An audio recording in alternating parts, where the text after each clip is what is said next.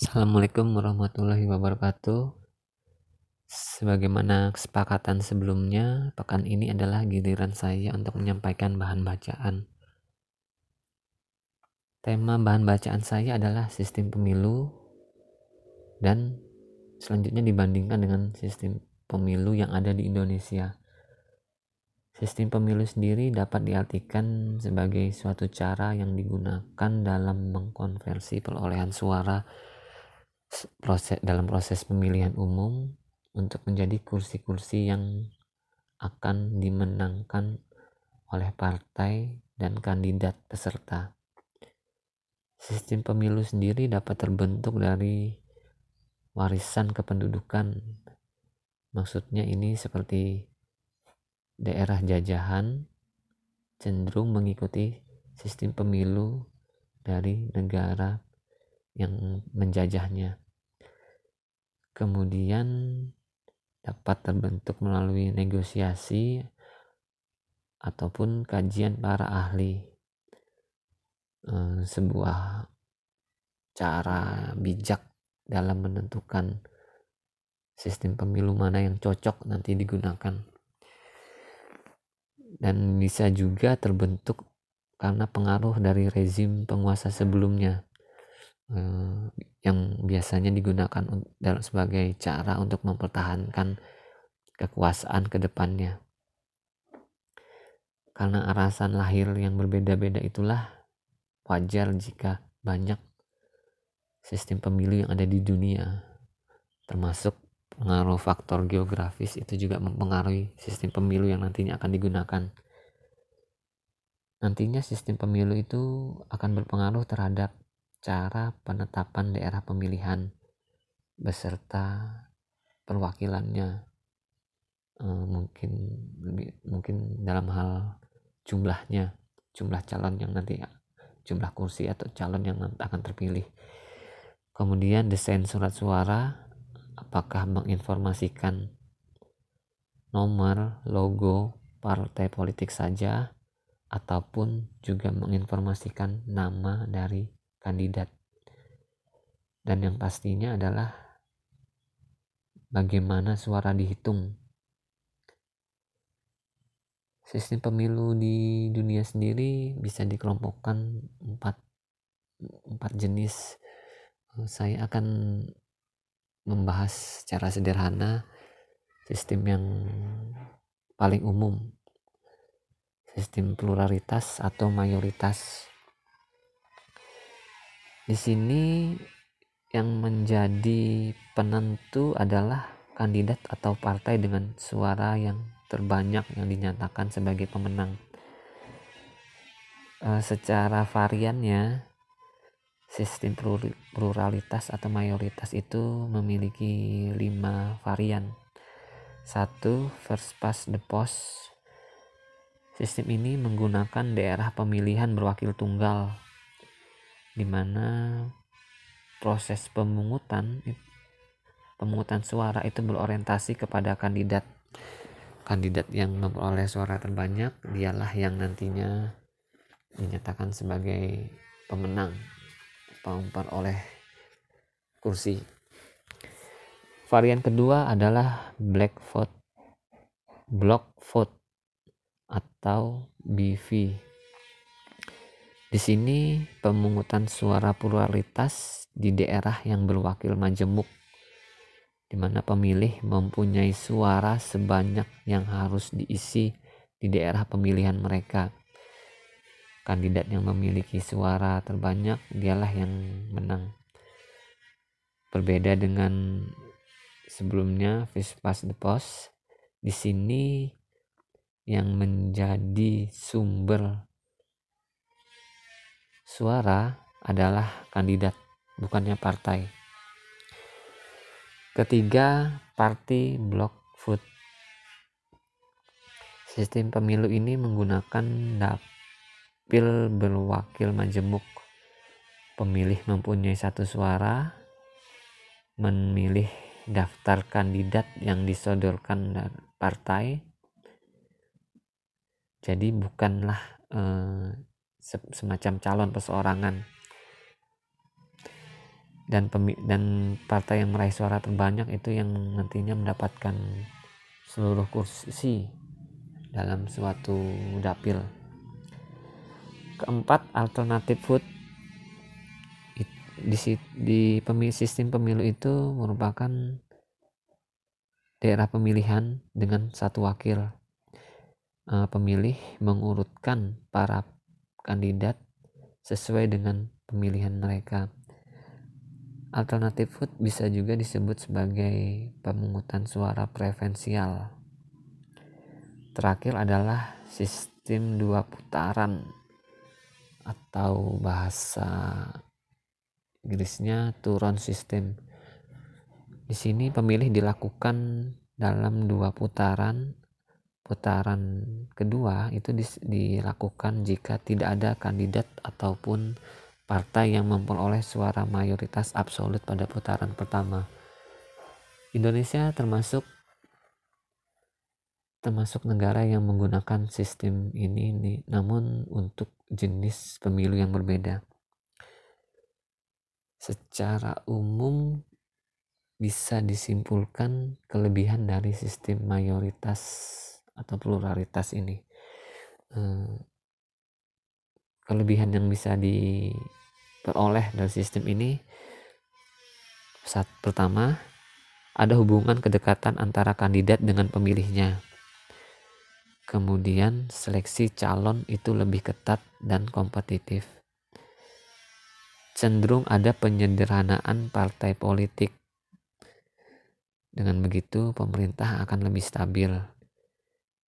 Hmm, selain itu ada ada namun ada juga kecenderungan untuk mendorong munculnya oposisi.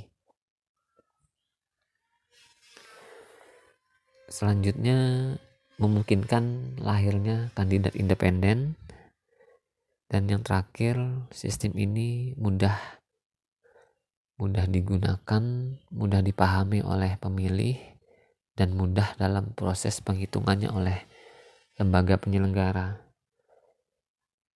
ada kelebihan, ada juga kekurangan. Kekurangan yang bisa didapat dari sistem mayoritas pluralitas ini adalah kurang representatif, di mana hanya partai politik yang besar saja yang mampu memperoleh suara terbanyak.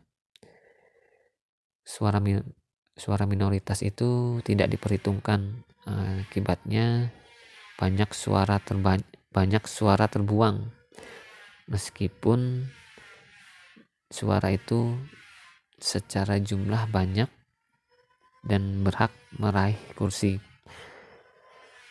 Ketiga, wakil yang terpilih adalah merupakan wakil perwakilan daerah pemilihannya sehingga lebih peduli pada warga, pada masyarakat yang menjadi konstituennya.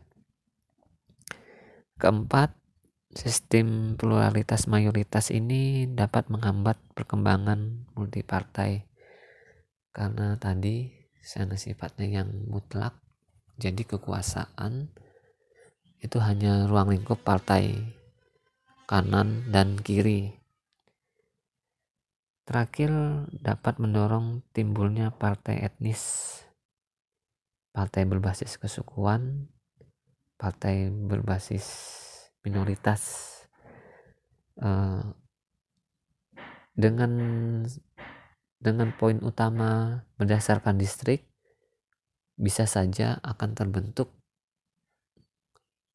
sistem partai yang mewakili distrik otomatis sistem ini tidak cocok digunakan di wilayah yang sifatnya plural. Itu saja yang bisa saya, saya sampaikan terkait sistem pemilu. Uh, saya lanjutkan lagi dengan perbandingan sistem pemilu yang ada di Indonesia. Baik, selanjutnya saya akan membandingkan dengan sistem pemilu yang ada di Indonesia. Pemilu yang ada di Indonesia sendiri ada tiga macam, pemilu untuk memilih anggota DPR, DPRD, pemilu untuk memilih presiden dan wakil presiden, dan terakhir untuk memilih anggota DPD. Eh, akan saya mulai dengan anggota DPR RI khususnya. Pemilu di Indonesia dimulai pada tahun 1955 pada masa Orde Lama. Saat itu pemilu dilaksanakan untuk memilih anggota DPR dan anggota konstituante. Anggota konstituante ini maksudnya adalah orang-orang yang nanti akan menyusun membuat konstitusi. Jadi seperti pengganti Undang-Undang Dasar 1945. Sistem pemilu yang digunakan adalah proportional representation atau perwakilan berimbang dengan varian terbuka. Maksudnya varian terbuka ini adalah eh, pemilih mengetahui nama-nama dari para kontestan-kontestan pemilu. Dapil pada pemilu 1955 berjumlah 16 dapil minimal satu dapil itu untuk memilih tiga anggota DPR dan enam anggota konstituante. Satu kursi itu senilai sama dengan 300 ribu jiwa. Peserta pemilu pada saat itu adalah partai politik, perseorangan, dan organisasi masyarakat. Penentuan perolehan kursi itu dihitung berdasarkan bilangan pembagi pemilih atau BPP dan selanjutnya sisa surat sisa sua, sisa kursi akan diberikan kepada pemilik suara terbanyak. Pemilu 1955 adalah pemilu yang pertama dan terakhir di rezim Orde Lama karena saat itu karena selanjutnya pemerintahan bersifat otoriter. Selanjutnya setelah terjadi pergantian rezim menjadi rezim Orde Baru, pemilu dimulai kembali pada tahun 1977 dan secara berkelanjutan dilaksanakan dengan jangka waktu interval lima tahun berikutnya. Sistem pemilu yang digunakan masih sama, yakni perimbang tertutup. Eh, penentuan perolehan kursi itu berdasarkan nomor urut. Jadi nomor urut terkecil dari suatu parpol adalah calon pemenang. Kemudian pada masa transisi tahun 1999 dilakukan pemilu eh, sistem yang digunakan masih sama, perwakilan berimbang masih sama, variannya tertutup, penentuan perolehan kursi pun masih dilakukan berdasarkan nomor urut. Pada masa reformasi tahun 2004 sistem yang digunakan berubah. Yang berubah adalah variannya dari sebelumnya tertutup menjadi setengah terbuka Kemudian dapil masih berdasarkan provinsi sekitar 3 sampai 12 kursi. Penentuan perolehan kursi berdasarkan BPP ditambah nomor urut. Maksudnya ditambah ini adalah masih memperhitungkan nomor urut dari calon pada suatu partai politik terakhir pemilu tahun 2009, 2014 dan 2019 itu sudah bersifat perwakilan terbuka. Eh, saat saat itu nama-nama dari peserta partai politik itu tergamblang dengan jelas pada surat suara sistem untuk menentukan perolehan kursi adalah suara terbanyak. Suara terbanyak namun dengan metode-metode tertentu. pemilu pada tahun 2009 dan 2014 dihitung berdasarkan kuota hari, sementara pemilu pada tahun 2019 dihitung menurut hitungan Senlik. Kuota hari ini hitungnya berdasarkan jumlah suara sah dibagi dengan jumlah kursi yang selanjutnya menjadi BPP. BPP itu yang nantinya akan menjadi pembagi pembagi dari suara sah yang telah didapatkan setiap parpol. Apabila setiap apabila parpol memiliki angka lebih dari pembagi BPP dia yang akan menerima kursi. Selanjutnya sisa kursi yang masih ada akan diberikan secara berurutan kepada sisa parpol berdasarkan jumlah kursi yang masih ada. Sementara metode Senlik adalah penghitungan berdasarkan angka ganjil setelah di setelah ditentukan suara sahnya kemudian dibagi dengan angka ganjil 1, 3, 5 dan seterusnya.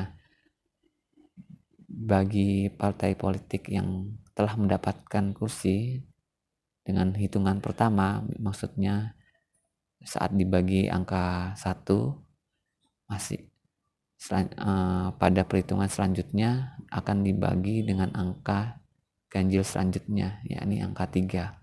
Demikian seterusnya kemudian jenis pemilu selanjutnya adalah pemilu untuk memilih presiden dan wakil presiden. Sebelumnya, sebelum tahun 2004, presiden dan wakil presiden dipilih oleh anggota parlemen.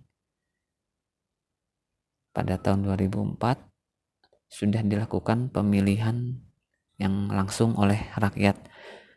Eh, ketentuannya pasangan presiden dan wakil presiden hanya bisa diajukan oleh partai politik atau gabungan partai politik yang memperoleh suara sah 20% yang maksud maaf saya ulangi yang memperoleh kursi 20% dan memperoleh gabungan suara sah 25%. Metode yang dilakukan adalah metode mayoritas atau pluralitas dengan varian TRS atau turun sistem dua ronde yakni apabila pemil apabila pasangan presiden dan calon presiden tidak bisa memenangi secara mutlak 50% per satu akan dilakukan putaran selanjutnya. Terakhir adalah pemilu DPD. Pemilu DPD ini punya metode yang berbeda lagi. Metode yang digunakan adalah sistem pemilu lainnya dengan varian SNTV, Single Non-Transferable Vote, di mana pemilih memberikan satu suara kepada kandidat dan suara terbanyak adalah suara adalah nanti yang nantinya menjadi calon terpilih. Eh, dapil yang dihitung saat itu empat. Artinya dalam satu dapil memiliki mempunyai jatah empat kursi. Sekian itu saja uh, sistem pemilu yang ada di Indonesia. Selanjutnya bisa dilakukan diskusi seperti biasa. Terima kasih. Assalamualaikum warahmatullahi wabarakatuh.